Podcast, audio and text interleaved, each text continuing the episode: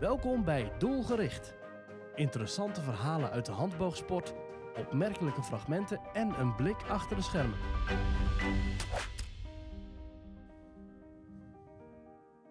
Ja, welkom eh, alle luisteraars en fijn dat jullie eh, weer luisteren voor deze nieuwe podcast van de Nederlandse Handboogbond.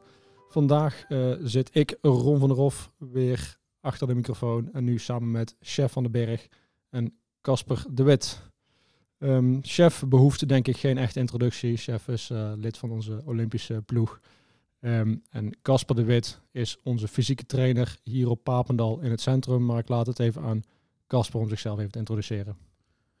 Ja, hoi. Uh, dankjewel voor de uitnodiging allereerst. Uh, leuk om hier te zijn. Uh, ik ben een fysiek trainer van ja, handboog hier op Papendal. Dus dat betekent dat ik gedurende de week een fysiek programma verzorg. En dat kan zijn een stukje conditioneel, kracht of core, coördinatie. ja, en dat probeer ik een beetje aan te passen op de handboogsport. En het leuk en effectief te houden. En daar vul ik uh, ja, de week mee in voor handboog. Ja. Daarnaast ben ik op uh, Papendal, naast handboog, uh, ben ik veel bezig met judo. Even een totaal andere sport, maar juist wel interessant contrast. En daar geef ik ook fysieke training en doe ik wat sportwetenschappelijke dingetjes. Maar mijn basis ligt echt bij fysieke training. Ja, je, doet, je zegt sportwetenschappelijke dingetjes, maar dat is wel Judo is een groter programma dan boogschieten hier. Ja, hè? Dus klopt. dat is de hoofdzaak van je week, denk ik. De hoofdzaak van de week. Ja, daar ja. spendeer ik de meeste tijd aan. Ja. Hoe lang ben je hier nu werkzaam op? Um, ik ben eind 2017 begonnen als stagiair. En toen na zeven maanden stage ben ik aangebleven. En ben ik bij enkele sporten begonnen. Ik heb zo bij motocross en bij, bij volleybal heb ik gewerkt als fysiek trainer. En al vrij snel ook bij handboog.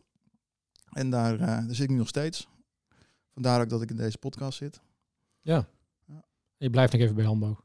Ja, zeker. Nou, gelukkig. Dan hoeven we niet op zoek naar een ik nieuwe ben trainer. Niet, uh, ik ben niet zomaar weg hoor. gelukkig, nee. Je hebt zelf niet aan, uh, aan judo gedaan. Ik zie dat je zit met een, uh, met een Mitala, dus er is een ongelukje gebeurd. Ja, nou ja, het, ja, had ik maar judo gedaan, had ik hier waarschijnlijk ook niet met die Mitala gezeten. Nee, um, ja, die, voor, de luisteraars, die Mitella, ik heb mijn labrum gescheurd bij een val. En dat is geopereerd. Dus vandaar dat ik hier in de podcast met, een, met mijn arm in de Mitella zit. Um, ik heb niet aan judo gedaan. Ik heb het vroeger als kind een, ja, voor mij een halfjaartje gedaan bij een lokale buurtvereniging. En dat is eigenlijk daar een beetje, hij heeft opgehouden. En het is niet dat ik echt nog veel daarvan weet of zo. Maar ik vind het wel een super mooie sport. En vandaar ook dat ik daar nu veel in werkzaam ben. Boogschieten heb je zelf nooit gedaan? Nou ja, ik heb heel veel geleerd van chef en de andere boogschutters. Dus nee, ik heb niet aan boogschieten gedaan, maar ik, heb wel, ik weet nu wel hoe het moet. ja, mooi. Ja, ik weet dat je het af en toe geprobeerd hebt. Ja, ja. Ik, heb, ja ik ben wel veel beter dan het begin, of niet, chef? Ja, er zijn wel stappen gemaakt al, ja. Ja, top. Chef, even vertel eens wat. Um, jij bent als sporter um, nou ja, samen met uh, met Casper uh, wekelijks aan de slag ja. om, uh, om aan het fysieke programma te werken. Hoe ziet dat eruit voor de sporter hier? nou ja, toen ik op Papenal kwam, was het echt twee keer in de week was het krachttraining doen en daarmee dus gewoon een beetje sterker worden in zijn algemeenheid. Um, en dat is intussen is dat veranderd naar twee keer in de week een fysieke training doen, waarbij we op maandag een, een zware training hebben tussen aanhalingstekens, want echt zwaar doen we, doen we eigenlijk vrijwel nooit. Um, op woensdag hebben we een, een core instability blok. Dus dan, ja, dan, dan, dan, werken we aan onze stabiliteit en aan de romp, als het ware. En um, op vrijdag hebben we ook een fysiek blok waarbij we dus echt wel ja, gewicht heffen en dat soort dingen. Um, maar wel op een manier dat we in het weekend nog fit genoeg zijn om, om eventueel een wedstrijdje te schieten. Ja. En is dat uh, in de jaren dat je hier zit, is dat, is dat ook echt veranderd? Uh, ja, het is, wat, uh, het is wat ingewikkelder geworden. In, in de zin dat we wat, ja, wat, wat meer gecompliceerde oefeningen hebben dan toen ik net begon. Toen ik hier op Papendal kwam, hadden we een andere fysieke trainer. En die liet ons dingen doen als biceps curls en af en toe een, een squat en een deadlift. En dan hield het wel op. Prachtig. Tegen... Heel mooi. Tegenwoordig hebben we echt wel ja, samengestelde oefeningen en met, met instabiele eh, dingen erin. En eh, dus dan eh, ja, heb je daar, volgens mij heb je er dan meer aan. Maar daar gaan we ongetwijfeld nog meer over hebben deze, deze podcast. Ja, dat gevoel heb je in ieder geval. Dat gevoel Dat heb ik, ja. Ja, Ik ben in ieder geval een stuk beter in boogschieten sinds die tijd. Maar ja, dat Ja. valt misschien niet helemaal te wijten aan de krachttraining. Nou, misschien niet, maar voor een deel eh, heeft het er allemaal mee te maken natuurlijk. Ehm, heel even voor, eh, voor de luisteraars ook mijn rol eh, als hoofdcoach. Kijk, wat ik niet wil is dat ik ehm, eh, het fysiekprogramma moet maken. Dat is mijn vakgebied helemaal niet. Ik heb daar misschien ook uit wat interesse in. Maar ik ben blij dat eh, wij gebruik kunnen maken van experts eh, op allerlei gebieden. En in dit geval dus eh, Casper als expert op het fysiek vlak. Ehm, wij hebben wel overleg. En ik moet zeggen, dat is vooral in de beginfase denk ik veel geweest. Hè, de, dat jij hier kwam werken voor ons. Maar Ja. nu hebben wij hooguit heel af en toe nog een overleg. Want volgens mij loopt het allemaal hartstikke goed. En hebben sporters heel veel invloed. Ja, we hebben overleg als het nodig is. Ja. Dus in geval van blessure of zo. Ik denk verder dan, eh, ja, we hebben best wel een goede, goede basis opgebouwd. Waarin het wel goed Ja. loopt. Ja, en sporters hebben binnen ons programma denk ik heel veel vrijheid om ook jou van feedback te voorzien. En om eh, te kijken van welke richting je op gaat. Sporters mogen aangeven wat ze willen daarin. Ja, ik heb eh, zeker voor handboog geen hele dwingende trainingsomgeving in de fysieke training. Omdat het A, voor handboog is het discutabel of dat echt nodig is. En B, ik haal de beste resultaten als het naast dat het nuttig is ook nog leuk is. En eh, dat gaat behoorlijk hand in hand bij handboog. Dus ik probeer die balans wel eh, goed te bewaren. Ja. Het is niet eh, een speelkwartier, volledig. Maar af en toe wel een beetje, als er maar ook goed gewerkt wordt. Ja, en dat wordt het ook. Af en toe, ja. Nee, eh, er wordt goed gewerkt. ja, gelukkig. We hebben het de eerste podcast hebben het ook gehad over eh, de mentale gesteldheid van een handboogsporter. En eh, dat dat ook heel belangrijk is. En ik denk dat er eh, op het moment ook wel een mooie balans heerst van eh, fysiek werken, maar ook mentaal heel blijven als het ware. Dus ervoor zorgen dat je niet zo diep gaat dat je de rest van het weekend in de kreukels ligt als het ware. Ja. En als je over fysiek hebt, je raakt nu mentaal aan, maar kun je aangeven, chef, wat voor jou het percentage is, zeg maar. Als je zegt, van, nou, ik- ben zo goed als ik ben, hè, dat is 100%. En hoeveel komt dan door die fysieke training? Ja, ik, ik denk dat dat echt maar eh, ja, 5 à 10 procent eh, uiteindelijk is. Eh, maar dat kan net wel het percentage zijn wat ik nodig heb om te kunnen meedraaien in de top van de handboogwereld. Dus ehm, wat dat betreft denk ik dat het heel nuttig is. Maar ik denk dat het niet per se het grootste aandeel heeft geleverd in mijn carrière. Ja. En, en zeg je dat op basis van het niveau dat je nu hebt? Of, of kun je dat ook terugtrekken naar ehm, toen je echt een talent was en instroomde? Ja, ik denk eh, een beetje van beide. Want eh, ja, ik ben, ik ben gekomen waar ik, eh, waar ik nu ben in eerste instantie zonder enkele fysieke training. Ehm, en dat ben ik pas gaan doen toen ik naar Papendal ben verhuisd. Dus daarvoor deed ik eigenlijk vrijwel niks. Ehm, wat inhoudt dat je dus best wel ver kunt komen zonder. Eh, en ik denk dat ik ook best wel ver was gekomen zonder. Alleen eh, heeft het wel eh, het proces wat versneld, denk ik. Dat ik, dat ik wat meer massa heb gekregen toen ik naar, naar verhuisde. En, eh, en daarmee wat, wat stabieler werd ook.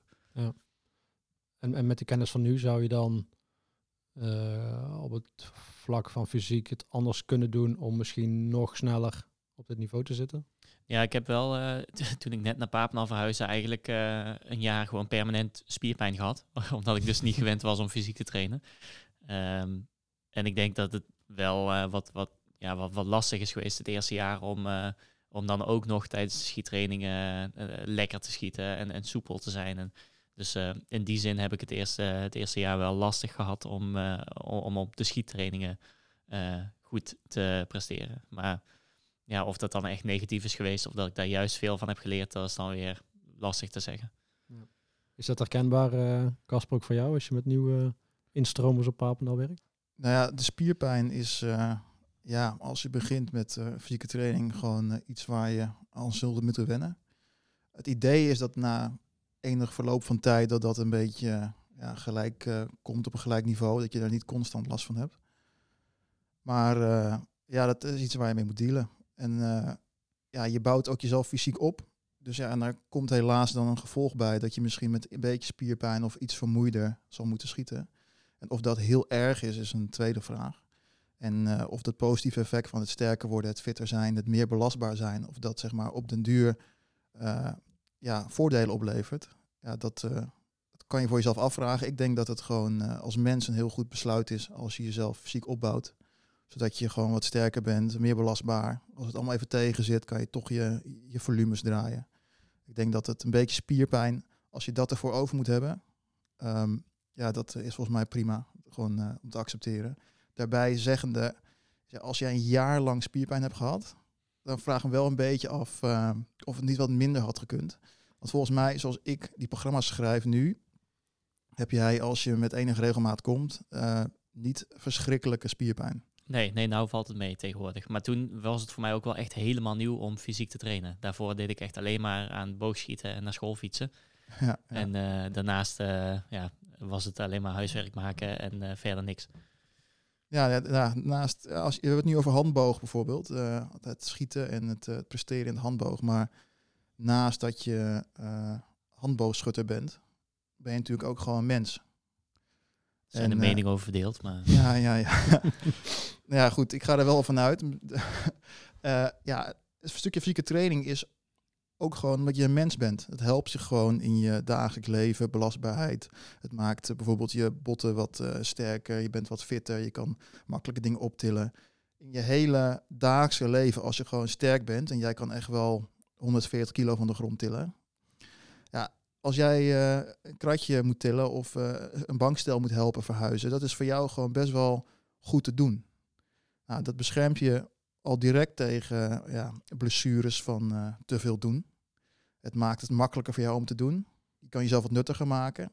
En, ja, en je herstelt makkelijker van dat soort dingen die je als mens doet. Omdat je gewoon die capaciteit hebt opgebouwd. En dat is een voordeel. Daar heb je niet alleen als mens voordeel van. Maar ook bij datgene wat je dan gaat doen. En in jouw geval is dat eh, handboogsport. Ja. Iets minder dan bijvoorbeeld een sport waarin je echt heel erg fysiek bezig bent. Waar je echt fysieke capaciteit moet kweken, omdat je anders gewoon afbreekt. Dus ik noem judo of eh, ja, een andere sport waar je echt zeer veel fysieke power en eh, moet kunnen leveren. Ehm, maar ja, bij handboog is dat minder. Maar het betekent niet dat op een lager niveau diezelfde voordelen niet gelden. Dat is gewoon wel zo. ik heb daar wel een aansluitende vraag op. Ehm, want eh, er zijn wel gevallen geweest in het boogschieten van internationale schutters die op een gegeven moment zo, eh, zoveel trainen dat ze ook echt heel breed en heel eh, ja, dikke armen en zo kregen. Ja. En dat ze daar dus gewoon last van hadden, dat het in de weg zat als het ware. Dus is er dan een bepaalde, ja, hoe zeg je dat, een bepaalde grens waar je dan niet overheen moet gaan? Of, of, of zou jij zeggen, nou gewoon zoveel mogelijk trainen en dan komt het wel goed? Ja, goede vraag. Kijk, als jij je heel goed voelt, denk ik, bij enorm breed zijn, dan moet je dat vooral doen. Maar als je zegt net, je zegt net dat mensen er last van hebben in hun sport, ja, dan ben je dus blijkbaar te ver gegaan. Ja, dan kan je ook afvragen, zeg maar, hoeveel last heb je ervan? En ligt het aan je manier van trainen? En eh, maak je er echt een sport van om dan echt een soort van bodybuilding eh, te doen? Ehm, ik denk dat het niet zo heel makkelijk is om als handboogschutter, die bijvoorbeeld bij mij twee keer in de week iets doet, of gewoon eh, een sport ernaast beoefent, om dan zodanig fysiek jezelf in de weg te zetten dat je handboogprestatie daaronder leidt. Ehm, ja, als je echt eh, een beetje immobiel wordt omdat je met slechte techniek krachttraining uitvoert of fysieke training doet. Of als je zodanig breed wordt dat je niet meer eh, goed in je lijnen kan zitten bij het schieten, ja, dan, eh, ja, dan ben je gewoon iets te ver gegaan. Maar dat is zeker niet de insteek. En als je gewoon goed traint en niet eh, daar echt doelbewust naartoe traint, dan is het ook niet zomaar iets wat eh, zomaar gebeurt als je even met je ogen knippert. Ik probeer al eh, vrij lang probeer ik breed te worden. en ja, dat kan je wel zeggen, dat gaat niet vanzelf. Helpt ook niet dat je nu met de Mitella zit. hè? Nee, nee, ja, nou, ja, ja, klopt. Ja. Ja, dat heb ik echt aan mezelf te danken, deze Vitella. Maar ja. Ja, nou ja, waar je net op aan refereerde, hè, dus het eh, fysieke training doen, omdat je dan in het, in het algemene leven eh, ja, daar makkelijker doorheen gaat, minder blessures krijgt, eh, positiever in het leven staat wellicht, of, of makkelijker dingen kan doen. ja. Dat is allemaal ehm, niet zo goed meetbaar. Hè? Ik, ik ben het enorm met je eens. Het klinkt super logisch, maar dat is iets wat je dan moet uitleggen, denk ik, aan mensen. eh, dat je op die manier dat traint en daardoor heb ik kan me zo voorstellen dat er heel veel mensen zeggen van ja, ik wil eh, beter worden in, in X. Nou, dit is dan boogschieten. Welke oefening moet ik precies doen zodat ik daar beter in word, zeg maar, heel, Ja. eh, heel binair. Ja. Ehm, dus, dus dat komt even in me op. Dus het- is dat voor alle sporters logisch dat je er ook wat aan hebt buiten eh, de sport die je beoefent en, en dat het ook uiteindelijk ook gewoon positieve effecten heeft op je op het beoefenen van de sport. Ja, ik denk, er zijn zat mensen die doen helemaal niks eh, aan een sport beoefenen. Die zitten gewoon de hele dagen op kantoor. En ook voor die mensen is het belangrijk dat ze bewegen, dat ze goed bewegen, dat ze een beetje belastbaarder worden. En die genieten die voordelen ook, waardoor ze dan allerlei dingen in het dagelijks leven beter kunnen uitoefenen. En dat geldt ook voor handboog. Daarnaast, je, je vroeg net bijvoorbeeld, goh, eh, wat zou dan specifieke oefeningen kunnen zijn waarmee ik het handboog eh, zou kunnen helpen? Begrijp ik dat correct? Ja? Ja, die vraag is niet zo heel makkelijk te beantwoorden. Omdat eh, ja, het is voor handbogen niet extreem belangrijk dat je je fysiek helemaal opbouwt. Het kan zonder. Alleen de vraag is, kan het niet gewoon makkelijker met? Kan je niet gewoon makkelijker goed trainen en goed schieten als je iets doet aan jezelf fysiek onderhouden? Nou, dat denk ik wel, want dat denk jij ook.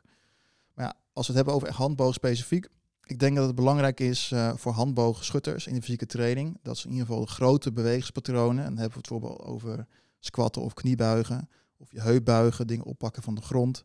Eh, en zeker met eh, bovenlichaam gewoon horizontaal en verticaal dingen kunnen duwen en trekken. En dat gewoon goed kunnen met stabiele schouders, zonder dat je erbij in een positie komt waar mogelijk ja, je pijntjes krijgt of zo. Dat het gewoon belangrijk is dat je dat in ieder geval goed kan uitvoeren. En als het goed kan uitvoeren en als het een beetje mee zit, ook nog een beetje gewicht in kan verplaatsen. En dat alleen beschermt je al tegen ehm, ja, de repetitieve aard van de sport. Ja.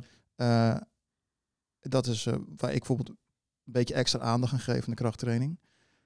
Daarnaast hebben we wel voorbeelden gezien van handboogschutters die wel degelijk ehm, voor eh, baat hebben gehad bij het sterker worden in het bovenlichaam. Eh, omdat ze dan gewoon eh, iets stabieler onder schot staan. Ja.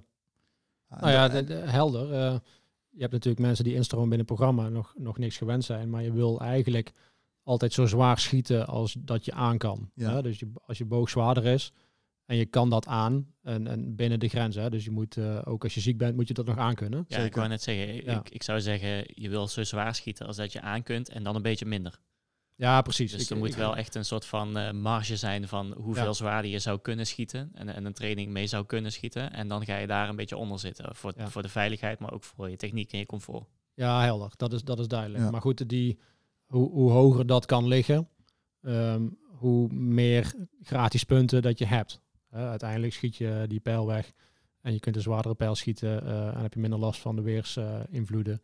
Eh, je los eh, wordt veel minder kritisch als je een zware boog hebt. Ja. En dat zijn natuurlijk dingen. Je kunt wel heel veel meer gaan schieten, maar dat is ook maar langzaam op te bouwen. ja, Terwijl ja. als je daar dus ondersteunende krachttraining mee hebt, dan kun je dus sneller naar een veilig, zwaarder gewicht Ja. toe. Ja, dat, is, eh, dat is prettig. Ja, en voor, even voor mijn beeldvorming, dat is dus niet eh, omdat je door die krachttraining sterker wordt en daardoor zwaarder kunt schieten. Maar dat is meer omdat je dan eh, zwaarder kunt gaan schieten zonder dat je geblesseerd raakt, omdat je het niet Precies. kunt hebben. Ja, Precies, Ja, als- ja. Toch? Ja. Nou, je ziet het als mensen de hele tijd dezelfde bewegingen maken, repetitief. Bijvoorbeeld eh, tennisarm of zelfs eh, RSI. En dan is dat eigenlijk een, eh, een overbelasting van weefsels of structuren. En dan krijg je last. Nou, als je dus gewoon getraindheid hebt en je kan dat aan. Bijvoorbeeld, jij hebt schietconditie, je, hebt, je kan een hoog volume wegzetten. Dan heb je daar niet echt last van dat jij constant de hele dag die boog zit uit te trekken. Nou, en dat is een beetje waar we op doelen. Met, eh, je moet eh, de voorwaarden scheppen om dat te kunnen doen. En krachttraining helpt daarbij tot op bepaalde hoogte. ik denk voor de schutters die thuis eh, luisteren, die zullen echt wel herkennen dat als ze een wat langere training doen, dat het op een gegeven moment aan de voorschouder, aan de booghand wat, wat zuur gaat voelen. Ja. Eh, dat daar toch wat, eh, wat technische fouten insluipen, maar dat ze misschien toch doorgaan en dan uiteindelijk toch met een kleine blessure eh, ja, overblijven. En dan is een, zo'n ondersteunende fysieke training kan ervoor zorgen dat die schouder net wat langer op de betere plek blijft zitten, waardoor je net wat langer de goede schoten kan uitvoeren. Ja. En dus makkelijker een hoog volume kan draaien. En dat is allemaal weer compound op elkaar. Kun je, kun je vervolgens ik- sneller vooruitkomen. Ik kan mij voorstellen dat als je dus net begint met je training of met je wedstrijd en het kost je minder moeite dan voorheen, omdat je getraind hebt om eh, jezelf stabiel te houden en te schieten zoals je wil schieten. Het kost je minder energie. Dan betekent dat je het langer uit kan houden. Dus je uithoudingsvermogen is dan beter. Nou, als dat punten oplevert, ja, helemaal mooi. Ja. Het is niet zo dat ik zou kunnen zeggen van eh, handboog, je moet eh, deze oefening doen, je moet benchen, je moet dumbbell row doen en dan wordt het allemaal helemaal top. Maar het is wel eh, allemaal eh, voorwaarden scheppend. En als we het toch heel even ehm, proberen toch een, kle- een klein beetje praktisch te maken voor de schutters die, eh, die luisteren. Hè? Dus ja. nou, ik ben een, een, een, een jeugdschutter die luistert of een beginnend schutter die luistert. En nou, fysieke training wil ik wel iets mee bij, mijn, bij mijn handboogsport. Maar wellicht de stap richting een sportschool is nog te groot. Mhm. Wat kun je dan praktisch doen? Eh, wat zijn dan oefeningen die je gewoon erbij kan doen? En wanneer zou je ze dan moeten doen? ja. Oefeningen heb je het over. Ja, of beweegvormen of eh, ja, wat dan ook. Ik zou, als ik, eh, ik zou adviseren als je gewoon jong bent bijvoorbeeld en je, en je, je, je favoriete hobby is eh boogschieten en je hebt de tijd en energie om iets naast te doen, ga dan iets erbij doen wat gewoon wat meer fysiek van aard is. Gewoon lekker bewegen, wat meer fysiek uitputtend is. Waar, dat zal in ieder geval een goede basis geven tot goed bewegen. En dat gaat je sowieso helpen, niet alleen in schieten, maar ook in je leven. Mocht je gewoon eh, naast het boogschieten gerichte oefeningen doen, gewoon eh oefeningen die je wilt doen eh, ja, om het bewegen beter te maken. En dan zou ik het gewoon vooral vrij simpel houden. En ik had het net over die beweegpatronen. Dus squatten, kniebuigen, heupbuigen. Om die dingen gewoon ja, zelf te oefenen. Eh, en heb je het, kan heel simpel zijn, zoals bijvoorbeeld eh, eh, dingen oppakken van de grond. Lichte kettlebells. En dat gewoon met goede rechte rug doen. Squatten met een kettlebell. Dat gewoon kijken of je gewicht kan opbouwen. Push-ups leren. Als je wat beter bent, pull-ups leren. Gewoon wat sterker worden in die grote bewegingspatronen. Ik denk dat dat heel erg helpt. Als je daar wat hulp bij nodig hebt en je hebt bijvoorbeeld geen persoon die je daarbij kan assisteren. Ik weet dat eh Team NL heeft eh, iets, dat heet de fysieke leerlijn. En dat is een, eh, een website. We kunnen misschien in de beschrijving van deze podcast wel even een link eh, ja, verwerken. dat kunnen we zeker doen. Ja. Ja. En dat, die, die werkt dus op basis van deze beweegpatronen. En wil je dan gaan trainen, dan kan je gewoon zo'n beweegpatroon aanklikken. En dan kan je vanaf absolute beginner tot op gevorderd, kan je gewoon lekker een schemaatje doen. En ik, kan, ik zou zeker zeggen, als je ergens wil beginnen, wat je later rendement op gaat leveren, dan zou ik daarmee beginnen. Want het, is, het zit gewoon goed in elkaar. Ik heb er namelijk zelf aan meegewerkt. En eh, begin daar. Ja, en, en hoe vaak zou je dat dan moeten doen? Nou, de, het idee is, alles is beter dan niets. Maar probeer zeker voor het, het leereffect van oefeningen en om een beetje routine erin te houden, dat toch twee keer per week te doen. Ja. En kan het dan ook nog te veel? Want er zullen ook wel een paar luisteren die denken van nou, dan kan ik het beter iedere dag doen, want meer is beter. Twee Oh, keer per dag misschien. Het kan zeker te veel, ja. Als jij niet herstelt, je hebt nog steeds last en je gaat je volgende training in. Kijk, een klein beetje spierpijn kan. Maar als je echt merkt dat je keer na keer jezelf een beetje afbreekt en je gaat last ondervinden bij het schieten. Of je hebt echt moeite met bewegen en je gaat anders bewegen omdat je bepaalde... Ja, daar zou ik dan even een gas terugnemen. Maar wat is een soort van eh gulden snede erin? Moet je dan eh, 24 uur rusten of 48 uur rusten?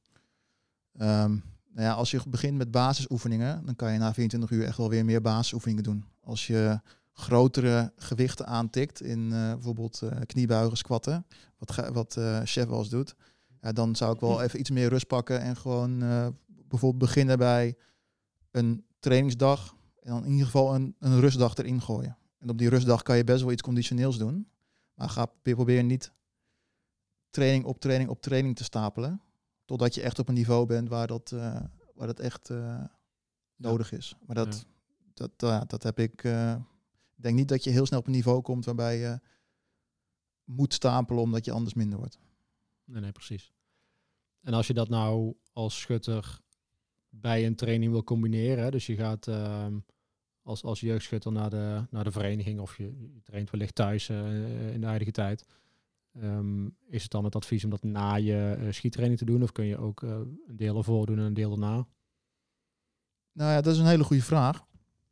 Ehm, ik zou in het begin adviseren om dat even, als je nog eh, bezig bent met goed schieten, en je, wil, je hebt aan je techniek te werken en die wil graag goed schieten, om in het begin even die training los te koppelen van je, je schieten. En doe het dan na het schieten. Want dan heb je in ieder geval geen last meer tijdens het schieten. Ehm, als je wat beter bent, kan je het ook ervoor doen. En dan kan je juist ook een beetje bijvoorbeeld vermoeidheid van de trainen. Mhm. Een keer even aanvoelen hoe het is om eh, te schieten als je iets meer eh, vermoeide arm hebt of zo. Dan eh, kan je dit zo aanpakken. Maar op zich is het het beste om het, de trainingen die je doet zodanig te plannen dat je niet echt, dat die niet echt last hebben van elkaar. Dus niet heel veel benenwerk doen net voor je een belangrijke competitie hebt of zo. Want dan waarschijnlijk gaat dat niet echt helpen. Nee, stabiliteit vooral. Ja, als je vermoeid bent al, dan, dan heb je dus al een beetje moeite Ja. met stabiliteit. Ja, en fysieke vermoeidheid kan ook zorgen voor verminderde concentratie, toch? Dus als je een heel zware training hebt eh, op vrijdag bijvoorbeeld en je komt eh, niet zo lekker je bed uit omdat je vermoeid bent, dan kan dat ook impact hebben op je concentratie tijdens de wedstrijd. Dat geloof ik, ja. ja. In mijn ervaring in ieder geval. Oké, dus resumerend voor die beginnende schutter, eh, die nu eh, een paar keer in de week eh, gaat schieten, Mhm. die moet wat andere beweegpatronen erbij doen. Dus ik denk dan aan hardlopen of fietsen. ehm, of Ja. je zit misschien zelfs bij de voetbalvereniging waar je nog een keer in de week Ja, bent. ik- dat is allemaal prima. Ik had helemaal in het begin over gewoon een andere sport doen die je leuk Ja. vindt. Hè? Dat is wel heel goed hoor, gewoon om op een leuke manier wat fitter te worden. Ja. Nou, we hadden het niet over bewegen en bewegingspatronen. Dat kan je doen, wat oefeningjes. Maar inderdaad, conditioneel, hardlopen, fietsen, wat je leuk vindt, gewoon zeker doen. Helpt je. Niet met de bus naar school, maar met de fiets. Als het kan, ja. Als het niet regent, dan... eh, 30 kilometer kun je rustig fietsen, toch, chef? Ja, ik Ja. denk het wel, ja. Ja, jij zou het doen, dus... eh, Ja, dat is waar. hè, eh, ja, ik, ik zou wel zeker als je gewoon... eh, ik zou zeker iets kiezen eh, wat, ik, eh, wat je leuk vindt om te doen. Want ik weet gewoon dat als je iets gaat doen eh, omdat je denkt dat het moet, dan is het heel moeilijk vol te houden. Dus je kan het beter verwerken in eh, iets wat je met eh, je trainingsmaatjes doet of iets wat je voor je plezier doet. Of dat het al in een sport zit die je toch al graag doet. Want anders heeft, vraagt het heel veel eh, willpower om te blijven doen en dat lukt eh, de meeste mensen niet. nee. Maar Als je- dat... Chef, je wil iets toevoegen? Ja, va- vanaf wat voor leeftijd eh, begin je met zoiets? Ik bedoel, eh, gewoon sporten en bewegen, dat doe je natuurlijk al vanaf jongs af aan, als Ja, het goed ja. is. Ehm, maar als je nou zegt, ik wil naast me schieten, eh, stel ik ben, eh, ik ben 12 of zo en ik eh, heel fanatiek, ik wil graag naar het, RTC en ik wil, ik wil zo doorgroeien in de sport. Dus ik wil ook oefeningen gaan doen. Maar is dat dan al de juiste leeftijd om daarmee te beginnen? Of moet je eigenlijk wachten tot je bent uitgegroeid? Of wat, wat zijn daar de, de richtlijnen voor? Nou ja, dat is een hele goede vraag. Je hoeft, het antwoord is zoals vaak, het hangt er een beetje vanaf wat je gaat doen. Stel, als je bent eh, 12, dan ben je nog lang niet uitgegroeid natuurlijk. Eh, maar afhankelijk van hoe je beweegt en eh, hoe goed je bent, is het gewoon eh, een prima idee om te beginnen met trainen. Ik zou alleen adviseren om vooral te beginnen met techniek, met, met lichaamsgewicht oefeningen, met de beginnerlaag van bijvoorbeeld dat trainingsprogramma wat ik net noemde, de fysieke leerlijn. Dus denk aan push-ups, pull-up, pull-ups, dingen klimmen of zo, dat soort dingen. Nog niet meteen met gewichten gaan gooien, tot je daar misschien begeleiding hebt als je op het RTC komt. Dat kan later altijd nog. Het begint bij eh, goed bewegen en een beetje diversiteit hebben in hetgene wat je je lichaam laat doen in beweging. En eh, ja, ik zou als je 12 bent, kan je prima beginnen met, trainen. Alleen maak het niet meteen eh, te moeilijk voor jezelf. Houd het gewoon simpel. En dan eentje die ik een beetje op mezelf betrek ook. Iets waarvan ik denk dat ik wel veel baat bij had gehad als ik het wel had gedaan. Ehm, ik ben nu 25 en ik kan mijn, eh, mijn handen achter mijn rug niet eh, aanraken. Zeg maar. Ik kan niet achter mijn rug beide handen tegen elkaar aanhouden. De- de- de- mijn mobiliteit is echt eh, ver onder par, als het ware. Ja. Ehm, had ik dan misschien als, als jonge schutter, omdat het toch een asymmetrische sport is, meer aan mijn mobiliteit moeten denken. En, en ja, rek- en strek oefeningen of, eh, of misschien zelfs eh, ook links schieten om, om het eh, op te heffen. Omdat ik als, als jonge schutter heel veel pijlen heb geschoten. Ha- Had ik daar iets tegen kunnen doen of moeten doen, zodat ik nou nog steeds mijn, mijn schouder normaal zou kunnen bewegen. Ja, ik ga me niet echt begeven op het gebied van wat je zou moeten doen in het schieten. Want daar weet ik simpelweg niet genoeg van af. Dus ik weet echt niet of het een goed idee is om dat soort dingen om te draaien. Ehm, ja, de vraag die ik jou wil stellen is, heb je nu last van beperkte mobiliteit in het schieten? Eh, binnen het schieten niet, maar wel buiten het schieten. Dus ik, eh, bijvoorbeeld dus bij de krachttraining zijn er bepaalde oefeningen Ja. die ik niet op een normale manier kan uitvoeren, die ik wel graag op een normale manier zou willen uitvoeren. Ja, ja. Eh, omdat ik mijn arm, mijn rechterarm, die kan ik niet, niet hoger optillen dan mijn hoofd als het ware. Mhm. Ehm, ja, dat soort dingen. Ja, nou dat ik eh, het, het einde van mijn carrière eh, nader, zeg maar, dan ga je daar toch over nadenken van, goh, eh, was het dat wel waard? En ga ik hier de rest van mijn leven last van hebben? En dan was het wel waard, bedoel je het, het verlies van mobiliteit? Ja. En het verlies van mobiliteit heb je vooral opgelopen door die mobiliteit niet te benutten. Dus geen oefening te doen die die mobiliteit gebruikt. Ja, dat, dat is een beetje mijn vraag aan Ja, jou. ja. Van, had ik dat dan misschien kunnen voorkomen? Of, want, want het is natuurlijk een heel repetitieve en asymmetrische sport. Dus mijn rechterschouder die beweegt veel minder goed dan mijn linkerschouder. Omdat ik die iedere keer eh, op dezelfde manier heb bewogen. Ja. Ehm, Ja, we doen hier in de aanname dat, dat die immobiliteit komt doordat je boos schiet. Tenminste, dat, dat, dat proef ik een beetje. Hè. Komt Ja, daardoor klopt, of ja. niet? Ehm, ik voel hem wel aan hoor. Ik, ik, voel, ik voel mijn rechterschouder ook. Maar goed, ik slaap op mijn rechterschouder. En daarvan eh, zegt de fysio over, ja, dat moet je niet doen. Ja, ik kan mezelf eh, wel vastbinden op bed, maar dat eh, was ik ook niet van plan. Maar ja, ik, ik, ik snap ook je vraag wel. Je wil eigenlijk een bepaalde mobiliteit hebben, dat makkelijk in de vorm te kunnen komen. mhm. Ehm, is dat iets wat je dan actief met oefeningen kan, kan toevoegen op jonge leeftijd? Of is het gewoon een kwestie van wat je zegt, beweegpatronen uitvoeren in die maximale mobiliteit? Ja, het is sowieso een kwestie van als, als je begint, mobiliteit die je niet gebruikt, die verlies je over tijd. Dus als je gewoon mobiel bent om mee te beginnen en je ge- gebruikt, beweegt goed en je doet de beweegspatronen, dan behoud je die.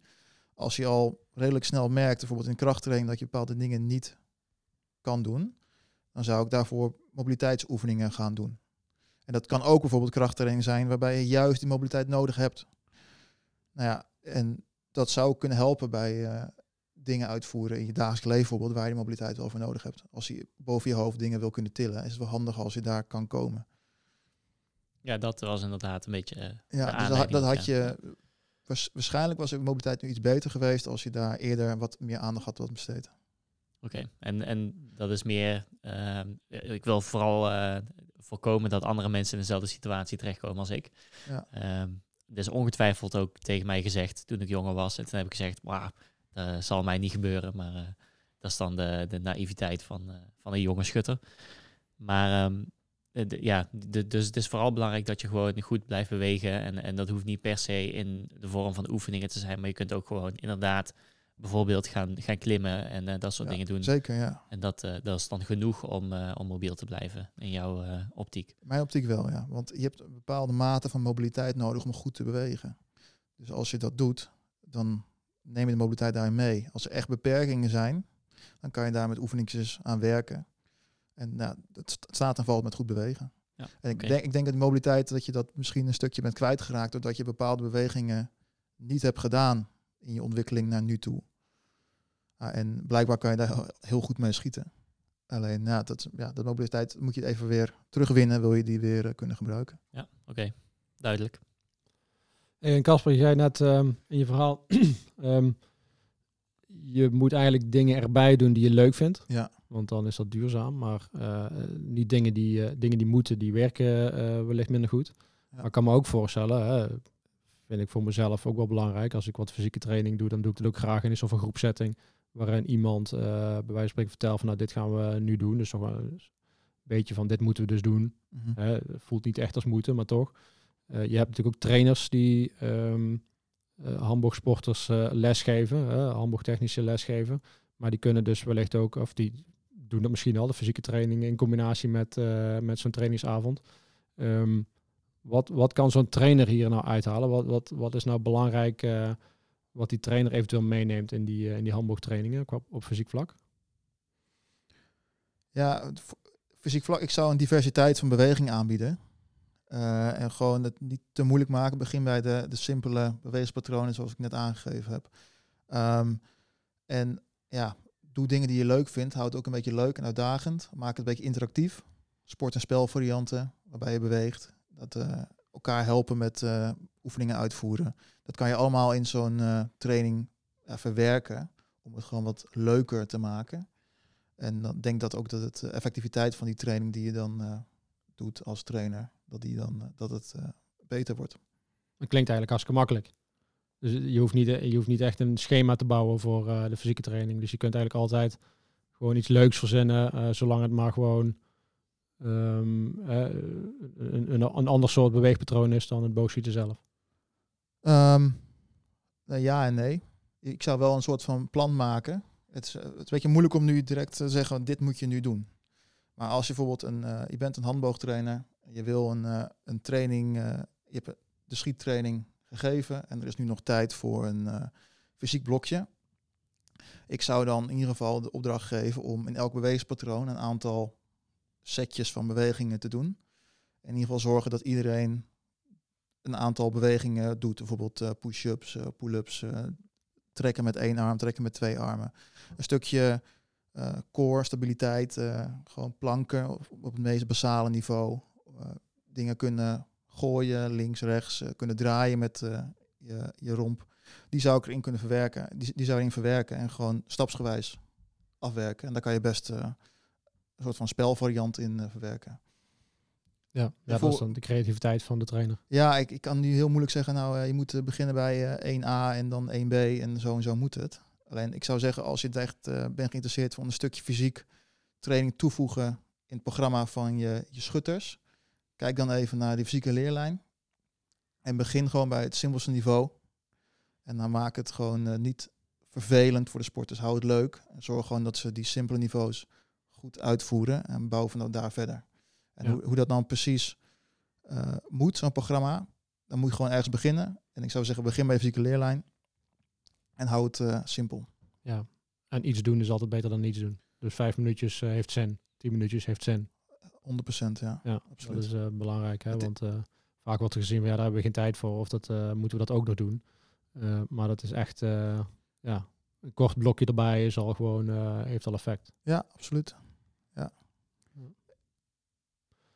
Top. Nou, ehm, even kijken naar de toekomst. Kunnen we daar nog, nog naartoe? Ehm, we, hadden het er net al over met chef. Daar is wat veranderd in de fysieke training. In de tijd dat jij hier als, als sporter was tot nu. Denk je dat er nog wat ga- gaat veranderen in de toekomst ehm, op fysiek vlak? Eh, ongetwijfeld, ja. Ik weet niet zo 1, 2, 3 eh, wat dat gaat zijn. Anders dan eh, ja, had ik het alvast kunnen doen. Nee, ik denk wel dat... eh, ja, bijvoorbeeld als ik kijk naar fysieke training voor handboog in de toekomst... dat dat eh, wat een grotere vlucht zal nemen, denk ik ook. Ook in handboog zelf. Dat het gewoon mensen beseffen dat het belangrijk is als voorwaarde te, om te kunnen doen. Eh, en dat je dat gewoon moet weet je, integreren met een fysiek met een handboogprogramma. gewoon om een beetje fysieke cultuur te creëren en te zorgen dat je gewoon mensen hebt die eh, in de basis eh, goed in elkaar zitten, goed bewegen. En dat helpt gewoon alle atleten. Ehm, ja, voor mij in de toekomst qua fysieke training voor handboog heb ik niet zo 1, 2, 3 een idee dat het heel erg gaat veranderen. Want ik onderhoud eigenlijk gewoon bij de sporters een basis. En ik voeg hier en daar wat, eh, wat elementen toe waarvan ik denk dat het wat kan toevoegen voor eh, schutters specifiek. En ik praat dan over eh, ja, een stukje stabiliteit voor de core. Ehm, en een stukje capaciteit kweken in het bovenlichaam. Dus ook gewoon duwen, trekken, Ja. verticaal, horizontaal, alles. En uiteindelijk krijg je natuurlijk ook wel nieuwe talenten eh, binnen dit programma. En dan moet je weer vooraf aan beginnen. Dus ehm, ja, Ja, het blijft een beetje hetzelfde, alleen dan op een ander niveau. Hè? Ja, hoewel ik wel gemerkt heb dat eh, de talenten die ik eh, de laatste jaar heb zien instromen in mijn sessies, die hebben al een behoorlijk eh, stuk fysieke training gedaan.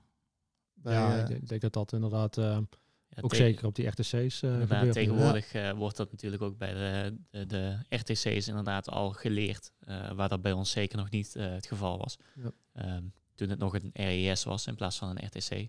Toen was het meer gewoon eh, één keer in de week eh, samen trainen en eh, was het echt alleen schieten. En tegenwoordig heb je echt een heel, eh, ja, een heel platform, heb ik het idee. eh, en het wordt echt meegenomen in het hele Olympisch Comité. En dus er zijn de, de, je, je leert veel meer tegenwoordig als je in een RTC terechtkomt dan ja, ik, ik, ik wil haast zeggen in mijn tijd, maar zo lang is dat niet geleden. Ehm, maar dat betekent inderdaad wel dat, eh, dat de, de nieuwe, de mensen die nu op Papendal komen, die hebben al ervaring met fysiek training. Ja. Eh, waar dat bij mij nog niet zo was. Ehm, en eh, ja, jij had het net over de toekomst, maar dan wil ik even naar het verleden. Ehm, ik kan me herinneren dat jij ooit hebt verteld dat jullie generatie, dus dan kijk ik even naar Ron, dat jullie generatie eigenlijk de eerste generatie is waarbij krachttraining een beetje op kwam zetten binnen het boogschieten. Eh, Ja. Dat daarvoor was het eigenlijk helemaal geen ding.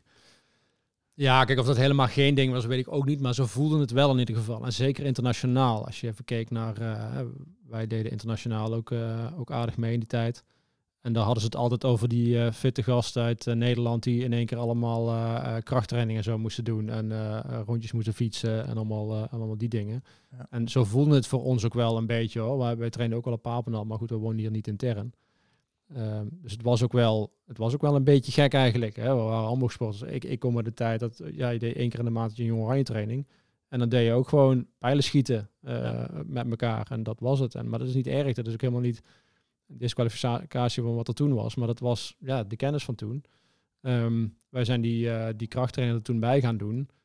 En dat, dat ergens hebben we wel geloofd dat dat eh, hoorde. Ik denk eh, een coach die ons heeft kunnen overtuigen dat dat uiteindelijk kon bijdragen. En dat gevoel hebben we ook allemaal wel gehad uiteindelijk. Eh, maar ongetwijfeld werd daar inderdaad ook maar wat gedaan om te beginnen. Ja, En ja. om vervolgens al die ervaring die je opdoet, om, eh, om dat te gaan fine-tunen naar eh, een programma zoals we nu hebben. Ja, maar het sluit wel heel mooi aan op de rest van het verhaal. Eh, als je kijkt naar, het is belangrijk dat je gewoon beweegt binnen je, binnen je mogelijkheden en dat iets beter is dan niets. Ja. Ja, in die zin eh, heb je er dus zeker iets aan gehad. Ja, zeker. En uiteindelijk, als, je kijkt naar die stap van toen naar nu, eh, als we die stap nog een keer maken en we zijn eh, weer eens een keer twintig jaar verder, dan praten misschien op dezelfde manier eh, over de training van nu. Van ja, toen deden we eigenlijk maar wat en nu weten we veel meer. Ja. Alleen met de kennis van nu doen we eh, wat, wat, wat wij denken dat nodig is om eh, op het allerhoogste niveau te presteren. En ik vind het een hele mooie ehm, conclusie die we trekken dat het voor jou, het werk voor jou makkelijker wordt, omdat Ja. de trainingen op de RTC's in dit geval nu veel beter zijn dan dat ze eerder waren. Zodat jij eigenlijk met een hoger niveau eh, instromers te maken hebt. Ja, dat maakt het voor mij zeker makkelijker en Ja. leuker. Maar ook niet alleen voor mij leuker, maar ook voor de sporter zelf. Want als je eenmaal een beetje competentie hebt in het bewegen en het gaat gewoon lekker en je weet je lichaam in te zetten, ja, dan kan je dus eh, leuke dingen doen. Dan kan je makkelijk eh, klimmen, sporten, uitproberen, dingen die je wil doen. Ehm, meer dingen tillen als je daar zin in hebt. Ehm, ja, het, is gewoon, het maakt het gewoon wat makkelijker. En als je nog eigenlijk best wel lang niet geïnvesteerd hebt in je fysiek zelf, ja, dan is dat allemaal moeilijker. Of je moet het nog eh, alsnog doen. Ja, en Precies. dat, eh, ja, dat is gewoon vervelender. Nou, laten we hopen dat die, die goede instroom eh, die er nu al is geweest en die er ook gaat komen, ervoor gaat zorgen dat we ook in de toekomst sporters hebben van het niveau van, van chef nu. Ehm, want ja, uiteindelijk gaan we ook een keer afscheid nemen van, van chef als sporter. En dan hebben we toch weer eh, nieuwe talenten eh, nodig die, eh, die dat kunnen. En ik ben er niet bang voor, want we hebben nu natuurlijk al een aantal wereldtoppers die er nog door blijven gaan. Ehm, maar heel benieuwd hoe het er over tien jaar uitziet in de handboogsport. Ik ik had wel één vraag voor jou nog, Ron. Want jij bent natuurlijk nu de bondscoach. en jij hebt dit fysieke programma, wat we nu in het programma zit, dat heb jij, dat is ook jouw wens dat dit erin zit. Ja, ja, ja zeker. Ja. Ja. En ik ben wel eigenlijk wel benieuwd, een beetje van, nou ja, ik snap het wel, maar waarom jij ervoor kiest dat, dit- dat de, de sporters dit doen. En ook eh, of je merkt in, eh, in het sportspecifieke, of daar wel echt eh, verschil in zit, dat, dat er wel fysiek geïnvesteerd wordt in de sporters die nu het programma Ja, kijk, voor een groot deel zijn dat exacte dingen die jij al genoemd hebt. Hè? Dat, dat, Ja. ik dat belangrijk vind dat dat gebeurt. Ehm, ik denk ook dat het zo is dat, en vooral de mentale component, hè, waar chef ook naar refereerde eerder, dat als je je fit en sterk voelt, dan ben je automatisch mentaal ook sterker. Ja. Dat is nou eenmaal zo. Hè? Iedereen die zich fit voelt, die, eh, die kan de wereld aan, zullen we maar zeggen. En ehm, uiteindelijk kun je toch niet voelen hoe een ander zich voelt, maar dan weet je in ieder geval dat je jezelf eh, goed voelt. Dus alleen dat is al een goede component. Ehm, en daarnaast, ja, toch inderdaad eh, blessures. Hè? De, dus niet Ja. zo, wij hebben niet heel veel blessures in handboogsport, gelukkig. Hè, op, op dit moment lopen er een paar, een paar pijntjes, maar dat zijn, ja, dat zijn, als je ergens pijn aan de vinger hebt, eh, dat is een soort van overbelasting eh, door het boogschiet. Ja, daar kun, daar kun je me niet meer mee helpen met het fysieke programma. Eh, dat is gewoon een kwestie van zorgen dat we de, nou de aantallen binnen de training op een goede manier doseren. Ja. Ehm, maar uiteindelijk is dat, ik vind het een belangrijk integraal onderdeel van sporten, is gewoon krachttraining doen. Ook bij een sport die zo belangrijk is, ehm, of tenminste die sowieso mentaal belangrijk is met boogschieten. hè. uiteindelijk doen we ook mentale training. Ja. Dan moet je ook fysieke training doen. Ook dat, hè, je kan bijvoorbeeld, eh, ik noem maar iets, je kan zomaar eh, op je schouder vallen bijvoorbeeld. ja, dat zou dan- zo zou, en gek, zou gek zijn als dat Ja. gebeurt, maar Ja, dat, eh, het kan gebeuren. Ik, eh, ja, en als je dan moet revalideren omdat je uiteindelijk toch weer moet schieten, helpt het heel erg als je een basis hebt van bewegen. En je hebt Ja, een, een, een stukje botdichtheid en spiermassa. En misschien is je, als je iets gebeurt en je valt van je fiets of zo, is de schade die je berokkent misschien al wat kleiner.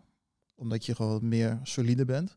En mocht, het dan, eh, iets, mocht je dan weer iets moeten opbouwen, revalideren, dan zal dat toch makkelijker gaan als je wat eh, bewegingsbasis hebt. En zeker als jij goed wil zijn in je sport, zal je gewoon eh, daar heel goed in moeten zijn door tijd te investeren en energie.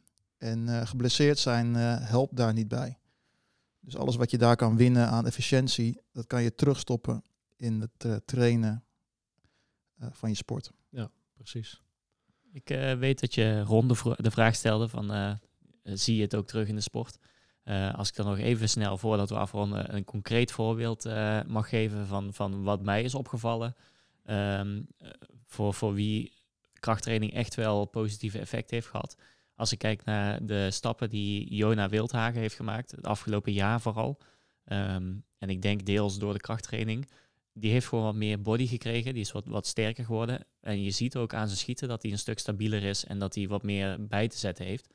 Ehm, en ik denk dat hij echt wel, eh, omdat hij gewoon heel erg licht was eh, en, en nog steeds wel is, dat hij daar echt wel, eh, wel iets aan heeft. En, dat, en dat hij daar binnen de sport dus ook echt wel winst haalt. Dus Ja, Ja. en, en dat is een groter percentage dan die 5 tot 10 procent die jij eh, ja, precies. eerder noemde hoor. Echt, eh, bij hem is dat echt heel, heel, heel belangrijk geweest in het afgelopen jaar. Ja, zo, zoals me net eh, zo in, in zijn fase van zijn ontwikkeling is dit dus blijkbaar een heel belangrijk onderdeel. Waar het Ja. meer dan 5 tot 10% is. Ik eh, geloof het chef direct dat het voor hem minder uitmaakt. Maar ja, ik kan niet zeggen dat het niet altijd zo is en dat er bepaalde eh, periodes zijn dat het gewoon belangrijk is om weer een volgende Precies. stap te maken.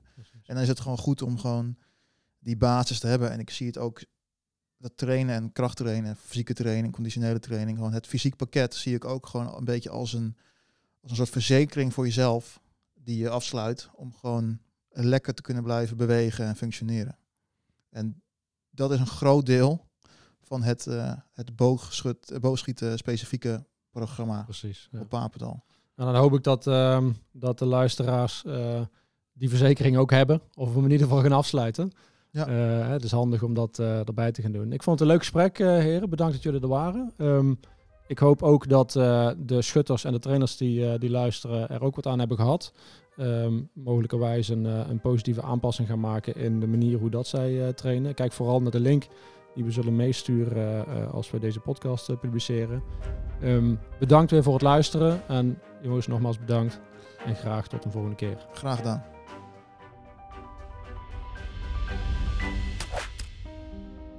Tot zover deze aflevering van Doelgericht. Vergeet je niet te abonneren en graag tot de volgende keer.